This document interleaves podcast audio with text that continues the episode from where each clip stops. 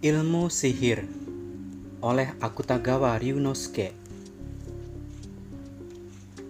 Pada suatu malam ketika hujan sedang turun dengan lebatnya, Andong yang mengangkutku beberapa kali naik turun melewati tanjakan yang curam di daerah Omori Kaiwai. Akhirnya, kereta angkut diturunkan di depan sebuah rumah kecil bergaya barat yang dikelilingi oleh semak-semak bambu. Rumah itu nampak sempit dan sesak. Saat cahaya lampion yang dibawa penari angkong tadi menerangi rumah pintu tersebut, tampak pintu yang bercat abu-abu dan sebagian sudah mengelupas. Pada, pin pada pintu itu tergantung papan nama dari bahan tembikar dengan aksara Jepang. Matiram Misla, orang India. Dan hanya benda inilah yang nampak masih baru. Kalau menyebut nama Matiram Misla, saya pikir di antara Anda semua yang tahu tentang dia tidak begitu banyak. Misla adalah seorang nasionalis yang lahir di Kalkuta. Ia berjuang untuk kemerdekaan India yang abadi. Pada saat yang sama, ia adalah seorang ahli ilmu sihir terkenal yang masih muda. Ia telah belajar ilmu Hasan Khan yang terkenal, yaitu suatu ilmu rahasia tentang kepercayaan Brahman. Saya sendiri tepat baru satu bulan yang lalu berkenalan dengan Misla, setelah sebelumnya dikenalkan oleh seorang teman. Ia telah banyak berdebat tentang berbagai macam masalah politik dan ekonomi. Namun tentang ilmu sihirnya yang kasat mata tersebut aku belum pernah menyaksikan sekalipun. Karenanya, sebelum menemui dia, saya sudah berkirim surat kepada Misla agar diperkenankan untuk melihat keahlian sihirnya. Saat itu ia mengatakan bahwa ia tinggal di daerah hutan yang sepi di luar kota. Karena itu, malam ini saya bergegas untuk menemuinya dengan menumpang angkong. Sambil berbasah-basah karena air hujan, serta dengan panduan cahaya lampion yang tidak terlalu terang tersebut, saya menekan tombol bel yang berada di depan papan nama rumahnya. Beberapa saat kemudian, pintu rumah terbuka. Wajah yang menyembul keluar dari pintu tersebut adalah seorang nenek tua Jepang yang bertubuh pendek. Rupanya, dialah yang mengurus semua keperluan Misla selama ini. Apakah Misla ada di rumah? Ya, ada. Dia sudah menunggu kedatangan Anda sejak beberapa saat yang lalu. Kata sang nenek dengan ramah. Lalu mengantarkanku menuju ke ruangan Misla yang berada di pojok setelah pintu masuk rumah. Selamat malam. Rupanya Anda datang juga meskipun sedang turun hujan. Kata Misla yang berkulit gelap. Bermata besar dan berkumis tipis itu menyampaikan salam dengan ramah. Pada saat yang bersamaan, ia juga sedang memutar penutup lampu minyak yang berada di atas mejanya. Ah, hujan seperti ini tiada artinya dibandingkan dengan kesempatan saya untuk dapat menyaksikan ilmu sihir Anda. Setelah duduk, saya melihat ke sekeliling ruangan yang temaram karena hanya disinari oleh cahaya tipis dari sebuah lampu minyak. Ruangan Misla adalah sebuah ruangan bergaya barat yang sederhana. Di tengah-tengah ruangan terdapat sebuah meja. Di dekat dinding terdapat sebuah rak buku sederhana yang mudah dijangkau oleh tangan. Lalu di dekat jendela juga terdapat sebuah meja Selain itu, hanya berbagai kursi saja yang berjajar di tempat kami duduk. Dan lagi, baik meja-meja maupun kursi itu semuanya sudah tua dan usang. Di atas meja terdapat selembar taplak yang berwarna mencolok. Sepanjang garis tepinya terdapat sulaman motif bunga berwarna merah. Taplak tersebut sangat sederhana, benang-benang sulamannya mencuat seperti hendak terpisah satu persatu. Setelah berbahasa basi sejenak, untuk beberapa waktu lamanya terdengar suara air hujan yang turun menetes pada semak-semak bambu di luar. Pada saat itu, nenek tua pembantunya datang dengan membawa teko teh. Kemudian Misla membuka kotak cerutunya. Bagaimana, merokok? Tanyanya menawariku. Oh, terima kasih. Tanpa malu-malu, saya mengambil sebatang Sembari menyulutkan api, saya berkata, "Kalau tidak salah, roh yang menjadi pembantu Anda itu adalah jin, ya?" Kalau benar demikian, berarti sihir yang akan saya saksikan nanti pun meminjam kekuatan dari jin tersebut, ya? Misla menyulut rokoknya dengan api. Sambil tersenyum kecut, ia menghembuskan asap rokoknya yang beraroma harum tersebut. Pemikiran tentang roh yang bernama jin dan semacamnya adalah pemikiran kuno yang berusia ratusan tahun yang lalu. Bisa juga dikatakan sebagai cerita di zaman dongeng 1001 malam di negeri Arab. Ilmu sihir yang saya pelajari dari Hasan Khan ini bisa Anda gunakan jika Anda ingin menggunakannya. Karena tak lebih dari sekedar ilmu hipnotis tingkat, tingkat, tingkat tinggi saja. Lihatlah, cukup hanya dengan menggerakkan tangan ini saja, katanya. Misla lalu mengangkat tangannya, kemudian menggambarkan benda menyerupai segitiga dengan jari-jarinya sebanyak dua tiga kali di hadapan saya. Kemudian ia mengarahkan telapak tangannya tersebut ke atas meja. Yang terjadi kemudian adalah ia mengangkat hiasan bunga yang ada di dalam sulaman merah taplak meja tersebut. Saya terkejut hingga bangkit berdiri dari tempat duduk untuk melihat lekat-lekat pada bunga itu. Saya yakin sekali bahwa tidak salah lagi, bunga yang sampai dengan detik ini adalah salah satu dari bunga-bunga hiasan dari taplak meja itu kini muncul ke atas. Tetapi ketika Misla membawa bunga itu sampai ke ujung hidung saya, tercium bau menyengat seperti bau kemenyan atau semacamnya. Karena itu, saya benar-benar ter terpesona oleh keajaiban itu. Beberapa kali kuucapkan kata pujian untuknya. Sambil tersenyum, Misla dengan mudahnya mengembalikan bunga itu ke taplak meja. Tentu saja, tidak seperti ketika diangkat. Ia melayang. Setelah jatuh, ia kembali menjadi hiasan sulaman seperti sedia kala. Tidak satu pun dari benda-benda itu tampak yang bergerak-gerak kembali dengan bebasnya. Bagaimana? Aneh kan? Selanjutnya silakan lihat lampu ini. Sambil mengatakan demikian, Misla menaruh sebuah lampu di atas meja. Namun pada saat itu entah mengapa lampu mulai berputar-putar seperti gasing dengan sendirinya. Meski, meski demikian, ia tetap berdiri pada satu porosnya. Bola lampunya dijadikan sebagai tangkai poros dan mulai berputar dengan indahnya. Pada mulanya, saya sangat takjub. Namun pada saat berikutnya, hati saya mulai khawatir. Kalau-kalau akan menjadi bahaya kebakaran, dan nantinya hingga beberapa kali saya berpekik dengan sangat terkejut. Namun berbeda dengan diri saya yang tidak ada sedikit namun berbeda dengan diri saya. Tidak ada sedikit pun tanda kecemasan pada wajah Misla. Ia minum tehnya dengan tenangnya. Akhirnya saya pun duduk dengan tenang sambil terus memandang pada pergerakan lampu yang berputar-putar semakin kencang itu. Kemudian, sebenarnya dalam putaran kap lampu yang telah menghasilkan hembusan angin itu, nyala apinya yang berwarna kuning itu tetap tinggal di situ.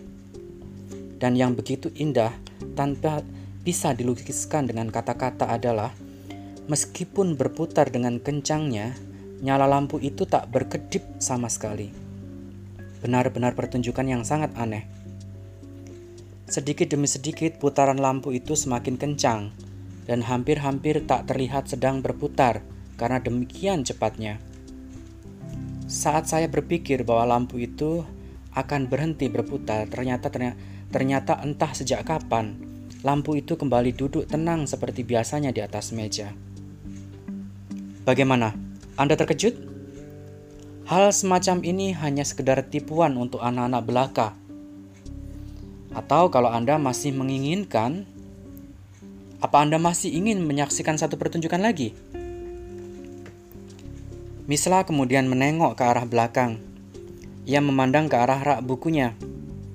Beberapa saat kemudian ia mengulurkan tangannya menunjuk ke arah arah rak buku tersebut. Kemudian saat jemarinya digerakkan seperti gerakan mengundang, buku-buku yang berjajar rapi di rak tersebut satu persatu bergerak keluar dengan sendirinya, melayang sampai ke atas meja. Buku itu melayang dengan cara terbuka kedua sampulnya, hingga tampak seperti kelelawar yang terbang di musim panas, merentangkan sayapnya dengan lebar ke angkasa. Saya sendiri sempat mengulum, saya sendiri sembari mengulum tembakau di mulut, menyaksikan semua itu dengan takjub. Beberapa jilid buku-buku itu berputar-putar melayang-layang dengan bebasnya dalam cahaya lampu yang temaram.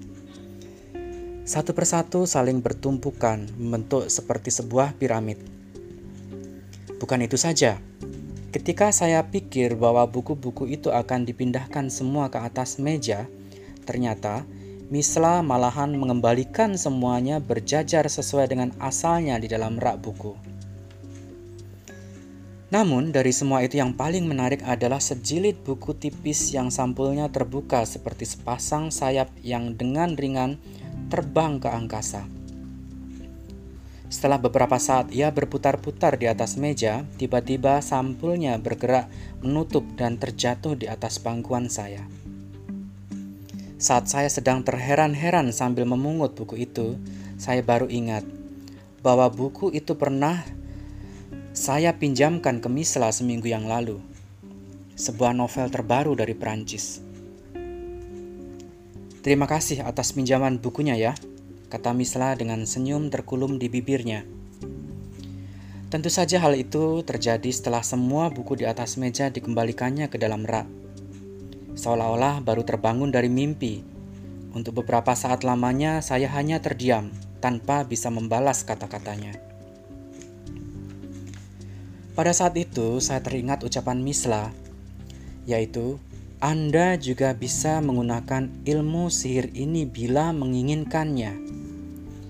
Setelah teringat kata-kata itu, saya pun berkata, "Saya telah sering mendengar tentang reputasi Anda, namun saya sebenarnya tidak mengira bahwa ilmu sihir yang Anda gunakan tersebut sedemikian hebatnya." Ngomong-ngomong, bukankah Anda hanya sekedar bergurau ketika mengatakan bahwa orang seperti saya juga bisa menggunakan ilmu sihir tersebut? Benar, Anda pun bisa. Ilmu itu bisa digunakan oleh siapa saja tanpa keahlian khusus. Hanya saja, ujar Misla dengan mimik serius menatap mataku tajam-tajam. Ia melanjutkan, hanya saja ia tidak bisa digunakan oleh orang yang memiliki nafsu.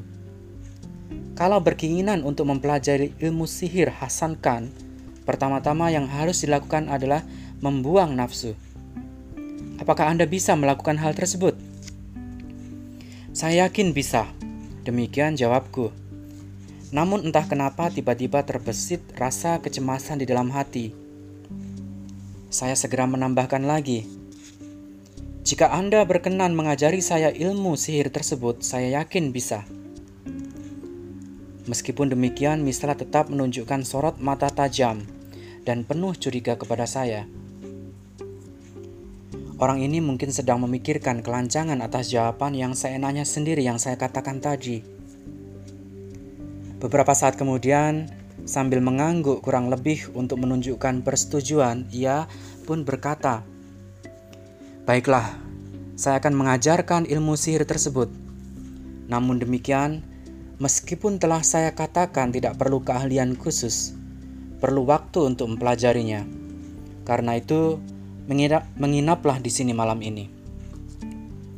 Terima kasih, saya mohon maaf karena telah banyak merepotkan Anda.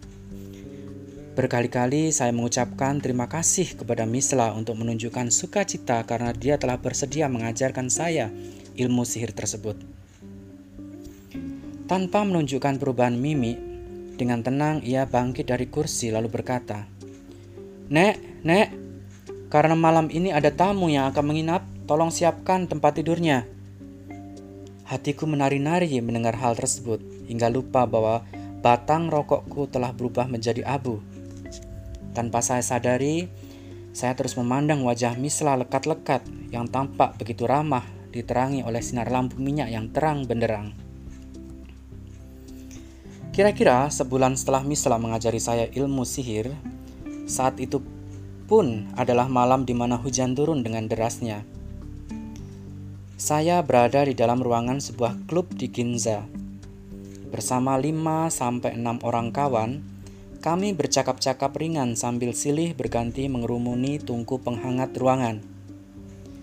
Entah mungkin karena di sini adalah pusat kota di Tokyo, hujan deras yang nampak di luar jendela terkalahkan dengan suasana hilir mudik mobil dan kereta kuda yang atapnya basah oleh air hujan. Suasana sunyi seperti hutan bambu yang jauh di sana sama sekali tidak terdengar. Tentu saja, suasana di dalam jendela pun bisa dikatakan seterang cahaya lampu listrik. Ada kursi kulit besar buatan Maroko, juga lantai kayu lapis yang bersinar lembut. Tidak sebanding dengan kamar Misla yang kalau dipandang seolah-olah bisa keluar roh gaibnya. Di dalam kepulan asap rokok, sebentar-sebentar kami membicarakan tentang perburuan. Lalu sebentar-sebentar pula beralih ke pacuan kuda namun salah seorang dari kawan-kawan tersebut memalingkan wajahnya ke arah saya sambil meniupkan asap rokok ke arah tungku api.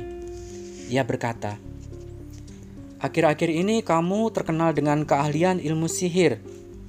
Bagaimana kalau malam ini kamu menunjukkan satu keahlianmu kepada kami? Boleh juga, jawabku dengan arogan sambil menyandarkan kepala di punggung kursi seolah-olah telah menjadi seorang ahli sihir. Baiklah, terserah kamu.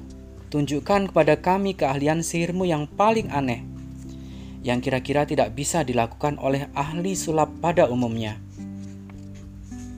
Sambil berbagi tempat duduk dengan yang lainnya, kawan-kawan mengangguk ke arahku. Mereka semua menyetujuinya saya pun lalu berdiri perlahan-lahan. Lihatlah baik-baik, karena ilmu sihir yang akan aku perlihatkan ini tidak dibuat-buat dan tidak ada cara membuatnya. Sambil berkata demikian, saya melipat lengan baju ke atas.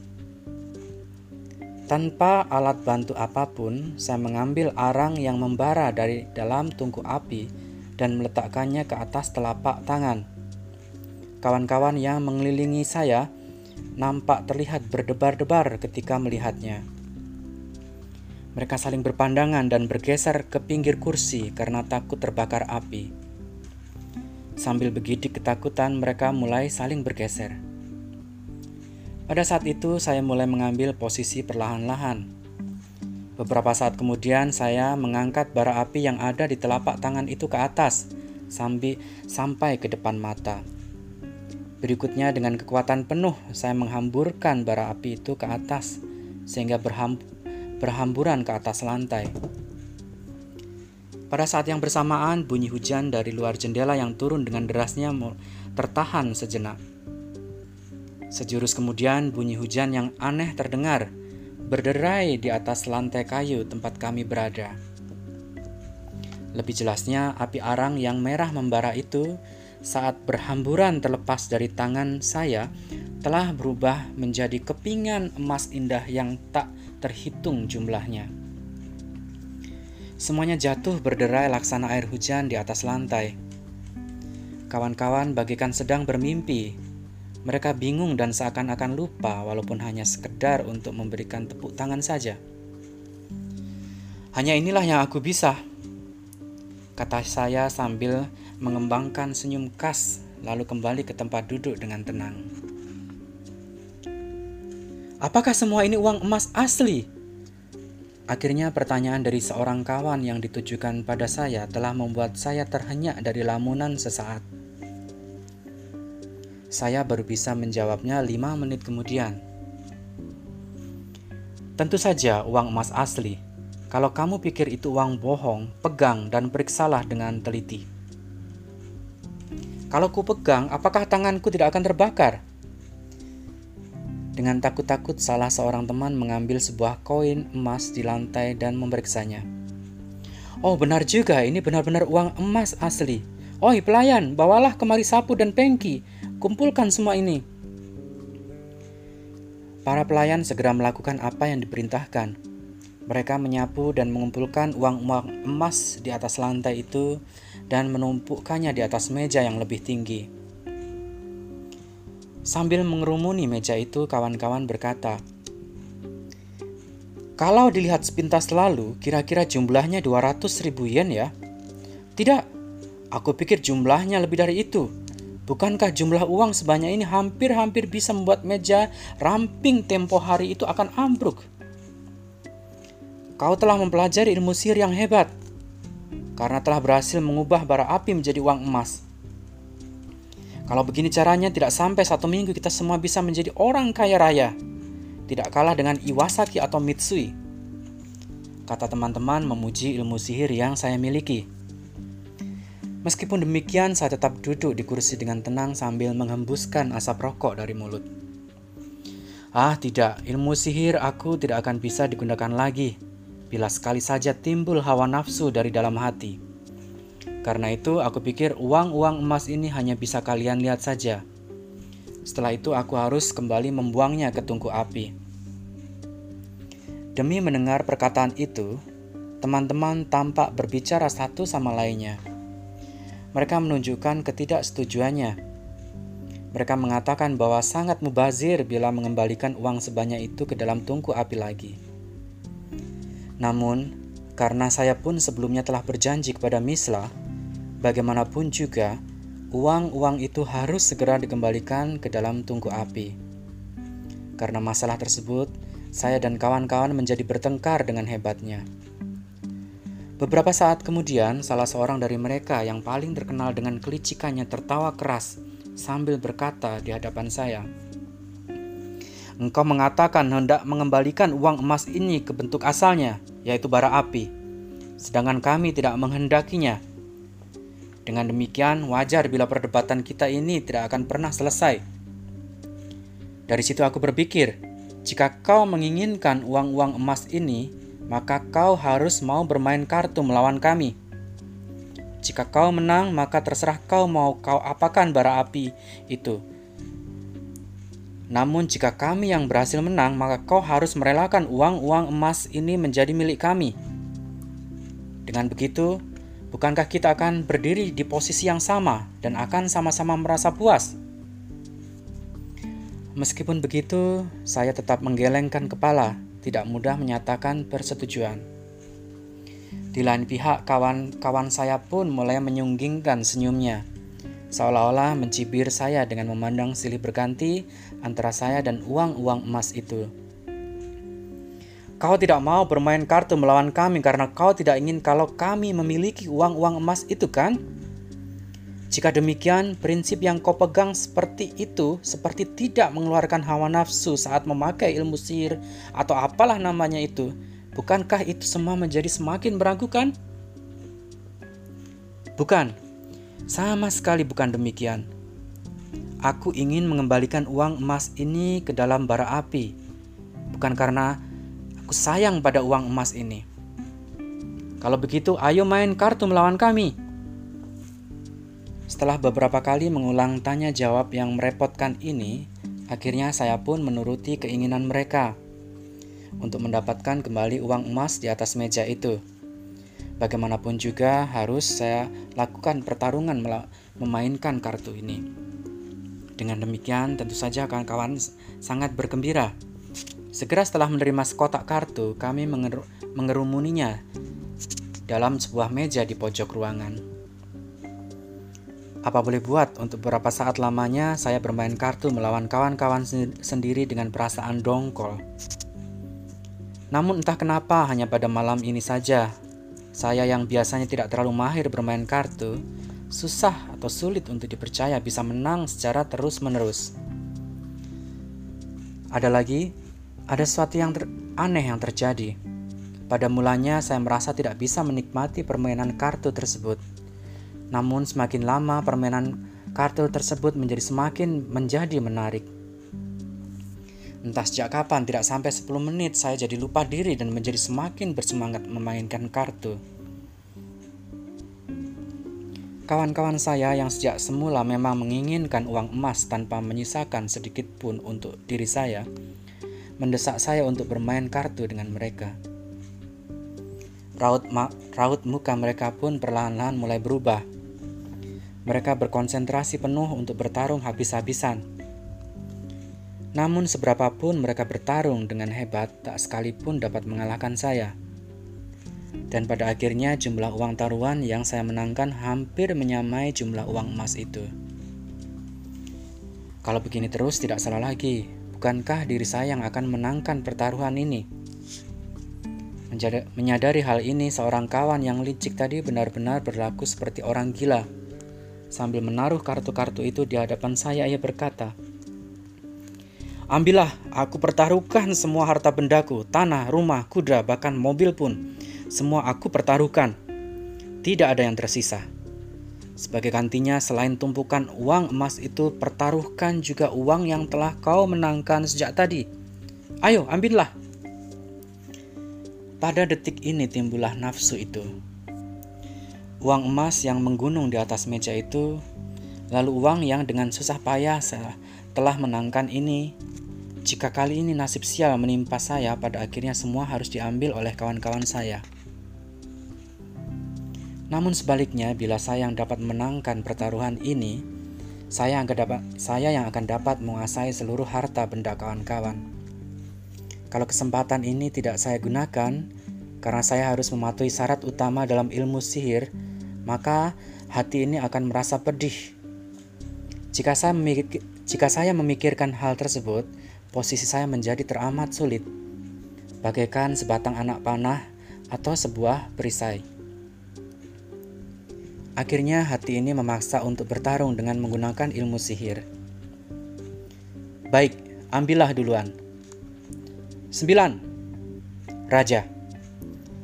Sambil berpeki kegirangan karena telah memenangkan pertaruhan, saya menunjukkan kartu tersebut ke hadapan kawan-kawan yang kini mendadak berwajah masam.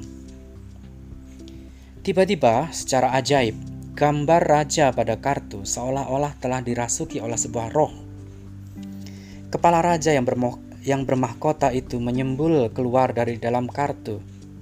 Dengan tetap membawa pedangnya, sang raja tersenyum dengan menakutkan. Nek, nek, Tamu kita hendak pulang, jadi tidak perlu lagi menyiapkan tempat tidur. Suara itu terdengar tidak begitu asing di telinga. Apa yang telah terjadi?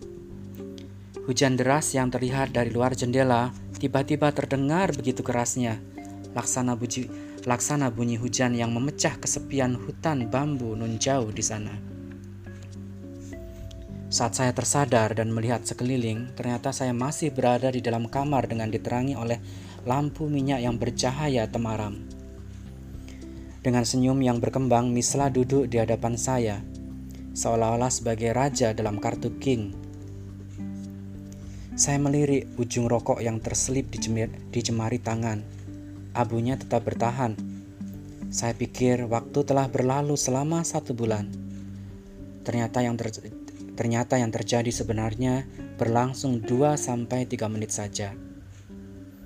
Baik diri saya sendiri maupun Misla telah dapat memaklumi tentang ketidakpantasan saya untuk mempelajari rahasia ilmu sihir Hasan Khan. Dengan perasaan malu yang bisa kulakukan, hanya menundukkan kepala untuk beberapa saat tanpa dapat mengucapkan kata-kata. Jika berkeinginan untuk mempelajari ilmu sihir, yang pertama harus dilakukan adalah membuang jauh-jauh hawa nafsu. Latihan seperti itu saja Anda sudah tidak mampu. Dengan wajah penuh penyesalan, Misla menyangga kepala dengan sebelah tangannya yang tertopang di atas meja. Meja itu adalah meja yang bertaplak hiasan bunga berwarna hijau kemerahan. Dia memandang ke arah saya di dalam keheningan malam.